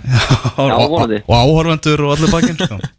Já, það er alveg líkilegt að fá áhörndur á vellin það er alveg, þetta er alveg dreflega þannig áhörndur Nákvæmlega. Sindi Kristján Olsson, Markur Ur, lengi til þetta meistar að kepla ykkur. Hjertalega til hamingjum með þetta aftur og takk fyrir spjallunur. Takk fyrir strákar Takk, bye bye. Bye bye Já, bye Held ég ekki við ætlum að fara yfir í ennska boltan eftir smá stund Þú ert að hlusta á fótbolti.net á Exinu 977 Er það búið að opna hliðin Við megum fara að taka við, við gestum aftur Þannig að það verður bara aftur gestagangur í útásættinu fótbolti.net í, í næstu viku sko. Já, fínt. Við erum meiri svona, við erum meiri geskjáðar heldur en símakallar, sko. Já, já, já, já, finnst gaman að hitta En tekið menn. þetta að það er búið að vera fínt samband í viðmælandum okkar um. Já, nú vorum við til dæmis að ringja til Belgju í Einmitt. Hjartáð Viðarsson og það var svona nánast eins og hann væri bara hjá okkur sko. Við tölum við eitthvað í síðast þetta Mm. og það var alveg eins og hann væri einn í stúdíunum. Já, mitt því að síðan höfum við Í hvernig, voru- alltaf að ringja sem var alltaf hérna Já, gæi var alltaf í Keflavík og Sundmóti og fara alltaf út í rókið Já, alveg Það var mjög Það áhugavert var ræðan um fyrstu dætinu Já, svona einn, einn okkar allra besti sérfræðingur gegnum tíðina en það bara, við heyrðum aldrei hvað hann sagði Vitum vitum ekki enn hvað hann var- hann var að tala um Nei, ég veit ekki eins og ennþá með hverjum hann heldur sko.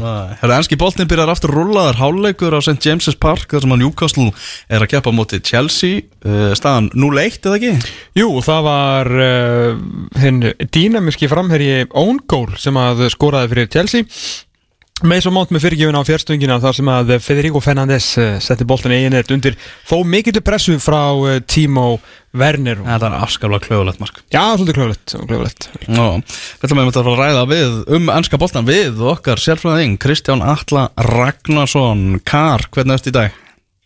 Sælir, ég er bara nokkuð góður. Já, það er svo leis Herðu, við ætlum að byrja á Liverpool Það er hérna, þessi landsleikja klukkar þeir eru ekki að fara vel í, í stuðningsmenn Liverpool og það vantar ansi marga í Liverpooli fyrir leikin á móti Lester og morgun og mun bara vanta náttúrulega Joe Gomez og, og Virgil van Dijk í, í ansi langan tíma uh, Hvernig svona líst þér á stöðuna á hópnum eins og hún núna? Þetta er náttúrulega ekki ákjósanlegt en, en, en þessi meðsli hjá Liverpool eru kannski bara hluti af stærri umræða sem er í gangi því að skoða tölfræðina. Uh, ég skoðaði vefsíu sem að uppfærir uh, meðslalistana hjá úrvástildaliðunum eftir blagamannafundi stjórana bara í gær. Og, hérna, og hún er mjög góð.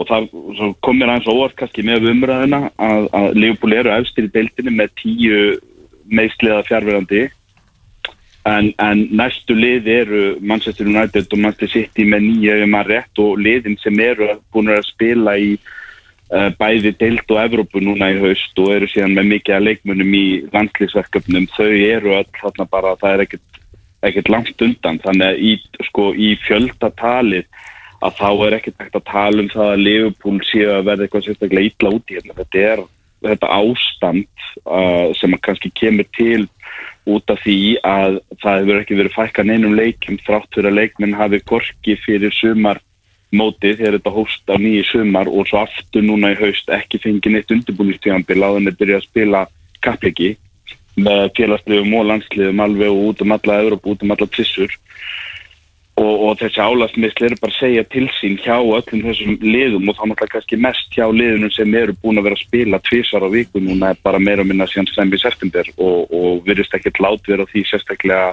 hjá þessum 6-7 stóru liðum í Englandi fram að jólum sko. Þannig að, að, að Leopold eru ekkert eitthvað kannski þannig sé verð stattir nærri. Það sem er hins vegar að gerast hjá Leopold er að þetta er alltaf koma nýra á vörninni. Uh, Sadio Mani fekk COVID í september. Mo Salah er með COVID núna og ég, ef ég þekki ykkur rétt þá vil ég örgulega spyrja mig út í það líka. Hárrétt hjá þér. öðru leit, öðru leiti hefur sóknarlínu hjá Leopold ekki lent í meðslum og, og miðjan uh, Henderson er að fá fyrstu álagsmeðslun á miðjunu núna, hitt eru COVID og svo tækling hjá Tiago og tækling hjá Fabinho. Þannig að en álagsmeðslun eru öll að koma vörninu og þau koma til öll í rauninni í röð í kjölfarið á því að Van Dijk dettur út. Van Dijk er það eru núna í janúar og liðin þrjú ár síðan að Van Dijk gekk til Lisi Leopold og hann er búin að spila nánast hverja einustu mínútu í svona öllum þessum stóru kappleikum, deild og mestaradeild síðan hann kom til liðsins. Og hérna hann hefur verið pósturinn sem hægt er að raða öðrum í kring því að Dejan Löfren var þarna og, og svo eru Joel Matip og Joe Gomez ennþá þarna og enginn af þeim hefur í rauninni verið nóg stöðugur í að ná að setja saman 10-15 leikja þinur þar sem þeir spila alla leiki án þess að neyðast. Og, og Joel Matip skilst með þessu 14 mánuði sem hann hefur spilað tvo leiki röð í byrjunarlegi hjá Leopold og hann þarf að gera það núna helst bara næstu 10-12 leiki fram að jólintak sem að ég sé þá ekki alveg gerast. Þannig að þegar að fann dæk hverfur að þá allt í ennur leikmenn sem að hefur verið hægt að rótera í kringum hann eru fann að lendi að spila meira og þá lenda þeir strax í álastmeislum og það er rauninni það sem er að gerast. Þannig að Leopold að fara bara mjög vel mannaðir inn í uh, sinn leikum helgina sko ef þú horfir frá miðjun og fram úr. Jafnvel ef að Fabinho vantar eða Henderson og, og Mo Salah að þá er breyttin til staðar og Liverpool eru bara góðum stað þar en vandamáli er það að ef Andy Robertson getur byrjað leikinu mútið Lester um helgina þá er það eini leikmann sem að myndi byrja þann leik öllu eðlilegu sem getur spilað í vörnum Mm. og, og, og menn er að lenda þeirri stöðu núna til dæmis að ungi strákunin Rhys Williams sem hefur verið að koma inn í miðvörðin í þessari fjárverallir hjá, hjá Van Dijk og Matip og Gómez og Fabinho hann er með þess að mittur eftir U21 verkefni hjá Englandi. Þannig að, að við gætum verið að fara að sjá einhverja hluti eins og mögulega Tíni Van Eldum taka einhverja leiki í niðverði og James Milner er örugglega að fara að spila helling í báðum bakverðinu næstu vikurnar og svona því að það er það sem að í rauninni veldur þessari, þessari skafta getur sagt til liðbúla að þetta er alltaf koma nýra á vörgin þetta er ekki að dreifast einhvern veginn meira um liði það sem væri kannski viðráðanlega Nú er veist, alvöru, alvöru spenna í, í deildinni og, og náttúrulega þessi flóti leikur á, á morgun. Leifból svo sem ekkert búið að, að geta stinga af uh, alls ekki, eins og segir meðslavandræði uh, hversu svektur vartu þá? Varstu út í Mó Sala fyrir svona já, svona heimsku pör á, á, á svona grústal tímpúnti þegar þið þurfa á leikmannum ykkur að halda og bara almennt að gera þetta? Um, ég veit ég sko þetta er, mér finnst alltaf rosalega erfitt að ætla að taka menn eitthvað að lífi fyrir svona hluti. Við erum, þetta er rosalega skrítið ár. Það er alltaf verið að meta jafnóðum, við erum búin að sjá það í okkar samfélagi hérna heima alveg eftir og annar staðar, við erum alltaf að meta jafnóðum hvað má gera, má ég fara í golf fyrir utan höfuborgarsvæði núna en ég mátti ekki um síðstelgi og svo fram og tilbaka, má ég fara, má ég fara í brúköp núna eða má ég ekki fyrir brúköp núna? Mm. Og, og, og þannig ég ætla ekki eitthvað að fara að taka hann að lífi hér fyrir einhver algjör afglöp en þetta er klárlega samt sjálfsmark sko svona í ljósi þess að þetta myndband sem fyrir dreifinga hann þar sem hann er að, dansa grímulaus alveg þjætt innan um hópa kallmönnum í brúköpunu og að það er, það er alveg nokkuð ljóst allavega ef að það er hægt að færa rauk fyrir því að auðvitað í maðurinn að fá að mæta í brúköpi og bróður sínum eitthvað svoleiðis að þá hafa allavega klárlega ekki verið teknar varúðar ástafanir í kringum það brúköp, þú veist, leiði honum að sitja á endanum, láta hann vera með grími og, og hérna, og þú veist, ekki, ekki allir að faðma hann í einu en, en, en það var greinilega ekki gert, sko, það er vissulega svekkjandi. Ég skil svo sem Jürgen Klopp að vera ekki að gaggrina hann út af við en það er alveg ljóst að Jürgen Klopp hefur talað íslensku eða þýsku eða hvað við kallaða við hann á baku tjöldin sko og sagt við hann hefur mó hérna, hann mátt vera með grímuna, hvað erum við að gera hér? af því að Klopp talaði sjálfur en þá blamar að fyrir gæð það sem hann svona skautaði skemmtilega framjá því að vera gaggrina mó en hann talaði samt um það að hann hefði left í aðstæðum í sumar uh, þar sem að, þar sem að meira segja hvort að hann talaði um brúðkvöld eða stóramæli sem að var fæst til til þess að hann gæti mætt, það var eitthvað náinn honum í fjölskyldunum, ég man ekki út af bróður hans eða eitthvað. Bróður hans, já. Já, sem, að, sem að var að halda vistlu og, og færir hana til til að Jürgen geti mætt en á endanum tekur hann ekki sensin á að mæta. Mhm. og, hann- og, og það hann skulle hafa sagt þá sögu svona í kringum það að vera ekki að gaggarina mó sagði manni ákveðna hluti um það kannski hvaða augum hann lítur þetta þú veist að ef þú ert ábyrgur í þeirri stöðu sem þú ert, þú ert að fá borga það sem þú ert að fá borga fyrir að gera það þú gerir í, í 10-15 ára til næfi Mhm.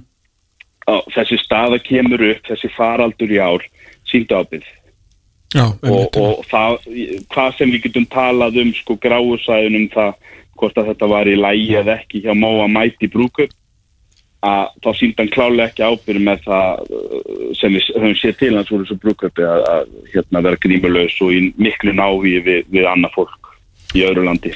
Það er, það er stórleikur í, í dag þar sem að Tottenham tekur á móti Manchester City uh, ef þú horfir sko ef þú myndir horfa bara ef horfa á töfluna aðeins og sjá liðin og ég myndi sína þér skilur að annað liði sem þú ert að fara að horfa á er, er í öðru sæti með 17 stig með markatöluna 19-9 hitt er í tíunda sæti með 12 stig með markatöluna 10-9 hvort myndir þú halda svona alla jafna að væri þarna í öðru sætinu með að skora fullt af mörgum Já, náttúrulega byggt á nýleiri sögu í þessari deild að þá, þá ef ég var að vakna úr dái núna og vissi ekkert um boltan frá 2017 það- eða 2018 þá hefði ég alltaf sagt þér að City væri í þessu öðru sæti og ég væri sennilega hissað þeir væri bara í öðru Einmitt en, en Mourinho er á öðru tímabili með lið og við vitum hvað gerist á öðru tímabili með lið hjá húsi Mourinho þá er það mjög góður Já. Og- og- Heldur þetta sé ennþá, heldur þetta sé klísja sé ennþá til?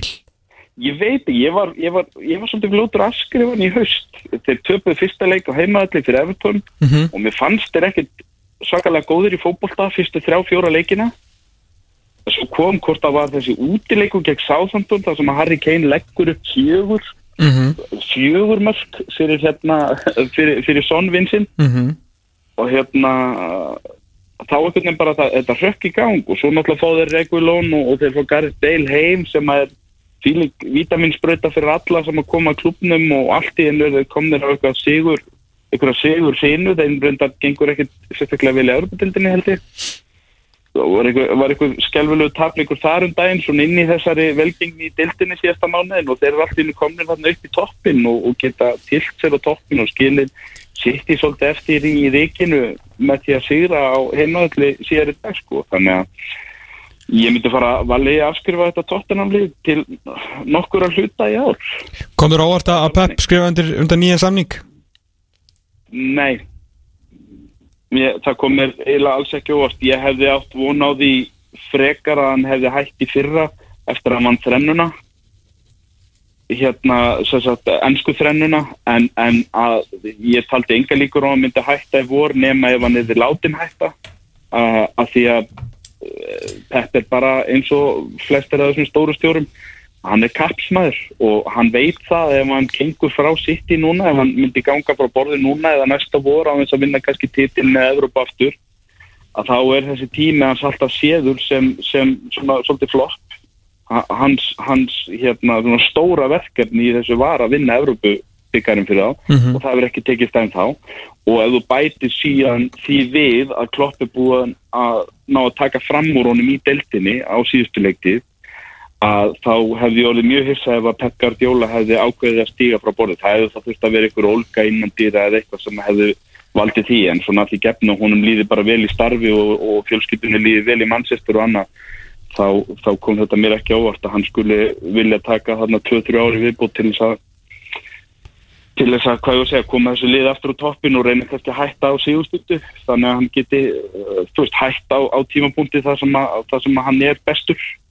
Og það náttúrulega er eitthvað sem allir af þessum stóru stjórnum vilja keppa. Þessum er nú morinni og ennþá þarna og, og, og, hérna og þessum er klopp þarna og, þú veist, þetta er bara það sem þessi gæðir gera. Þeir, þeir vilja vera bestir. Og þetta er náttúrulega hans já, er, náttúrulega, er þetta hans stærsta verkefni á þjálfaraferðlunum að byggja upp nýtt mestarleið hjá, hjá Manchester City? Já, hann er komin á í rauninni ótróna slóður á sínum ferli núna. Hann tók við fínu búi hjá, frá Frank, Rijkaard hjá Barcelona og fór með það liði hæstu hæðir í fjör ár og sagði sér svo frá starfinu. Og hann tekur aldrei þessu frábæri búi eftir Júpp Pænkes hjá uh, þrennuliðið fræga sem að vann síðustu meistaradeil til þeim.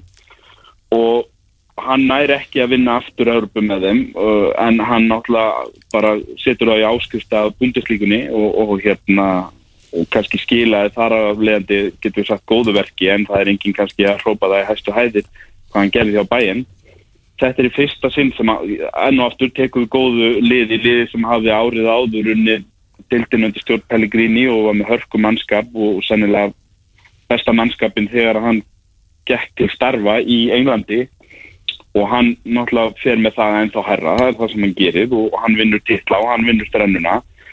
En svo fer þetta aðeins að dala það liðið er farið að eldast, það er komið að endurníun og, og þannig að við erum í raunin að fara að sjá þann hluta að Pekka Djóla í fyrsta sinn, það er hvernig hann dílar við endurníun og, og að þurfa að skipta mönnum út og kaupa nýju og það getur kannski þeim sterfitt að losna aðeins við launapakkan og losna við suma þessum leikmönnum og, og veist, þannig að menn getur að það þurft að vera þólumóri eitt eða tvö ára áður en þetta kemur upp aftur og við höfum aldrei séð þann Pekka Djóla áður, kannski erum við búinir með eitt ára þremur í svona smá þólumæðisverkefni áður en að við sjáum sitt í aftur á, á þeim stað sem voru fyrir einu, tveimur árum.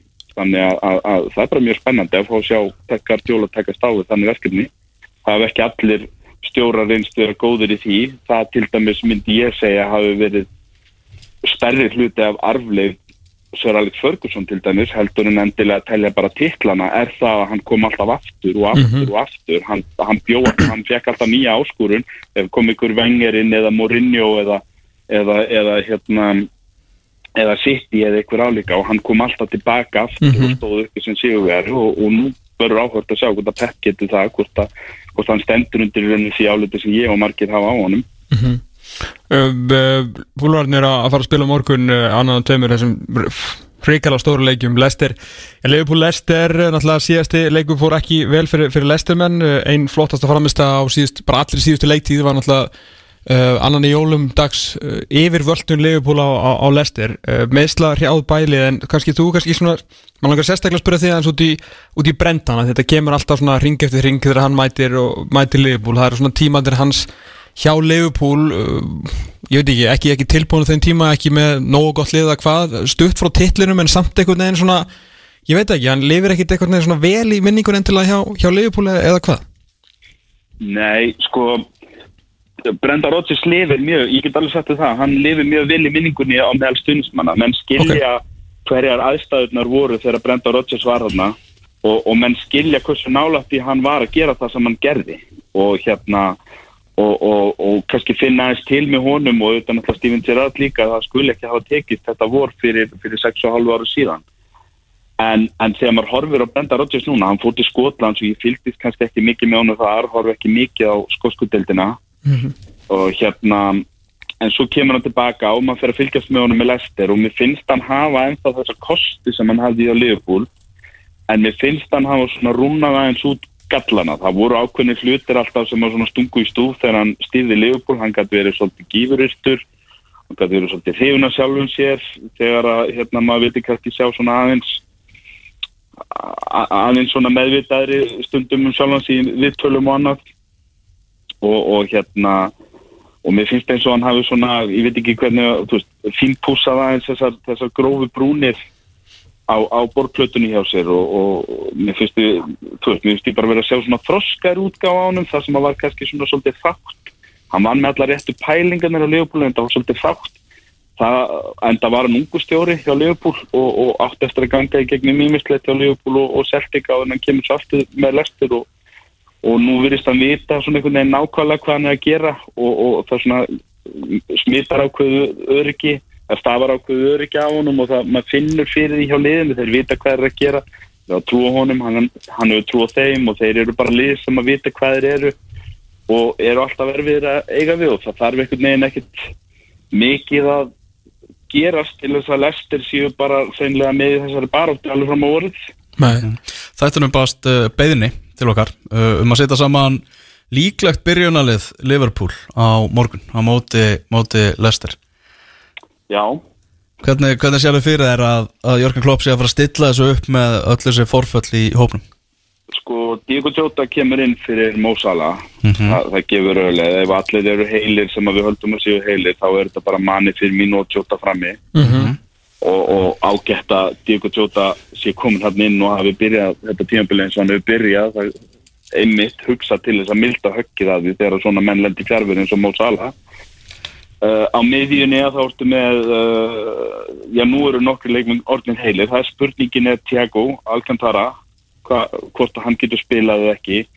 Ef við gefum okkur hann getur spilað. Nabi Keita er heill, Gini Van Aldum er heill uh, ef Fabinho er heill og Thiago þá finnst mér líklegt að Fabinho takki miðvörðin með Joel Matip.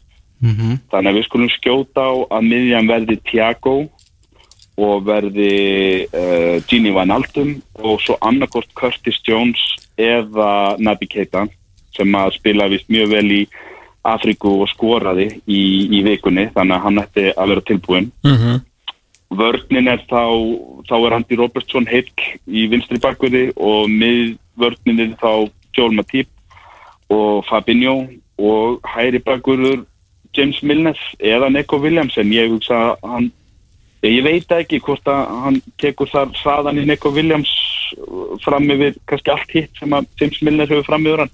Ég hugsa ég myndi stilla Milner upp sjálfur. Fyrir, fyrir leika móti þessum bræðarefum í Lester En ef, ef Tiago er ekki tilbúin að byrja og það þarf að nota Fabinho á, á miðjunni þá er vantilega Phillips sem er að fara að vera, vera við hlið Matip Nat Phillips var bara mjög fínn í, í síðasta heimaleik á deildinni sem að það er nú reyndar alveg stúlun mér á móti hvernig það var.